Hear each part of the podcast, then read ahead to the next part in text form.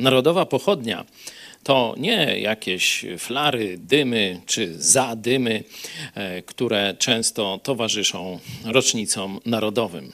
Narodowa pochodnia to światło, które ma skierować, oświecić, wskazać drogę, przemienić naród. Kiedy zobaczymy do naszej historii, to najjaśniejszym jej okresem jest tak zwany Złoty Wiek. To jest wiek XVI. Czym on się charakteryzował?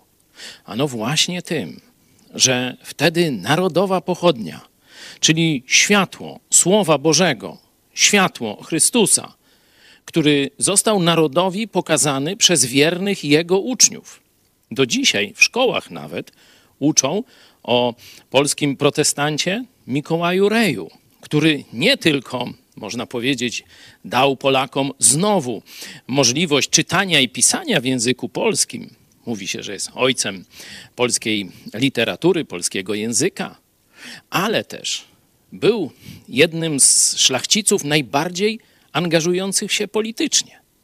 Szlachta, widząc takich ludzi jak Rej, którzy byli spójni moralnie z tym, co widzimy w Biblii, którzy angażowali się w sprawy swojej ojczyzny, którzy, którzy wręcz stali na czele projektów reform i zmian koniecznych do naprawy Rzeczpospolitej, rzeczywiście z uwagą pochylali się nad Słowem Bożym, bo widzieli tych ludzi, którzy świecili jak jaśniejące pochodnie.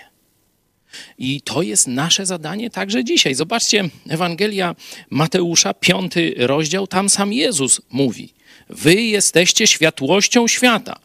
Nie może się ukryć miasto położone na górze.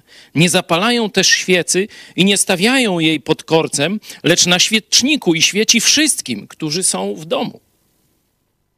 Chrześcijanie mają się angażować społecznie, politycznie, mają być widoczni we wszystkich dziedzinach życia mają też wskazywać narodowi drogę do zmiany.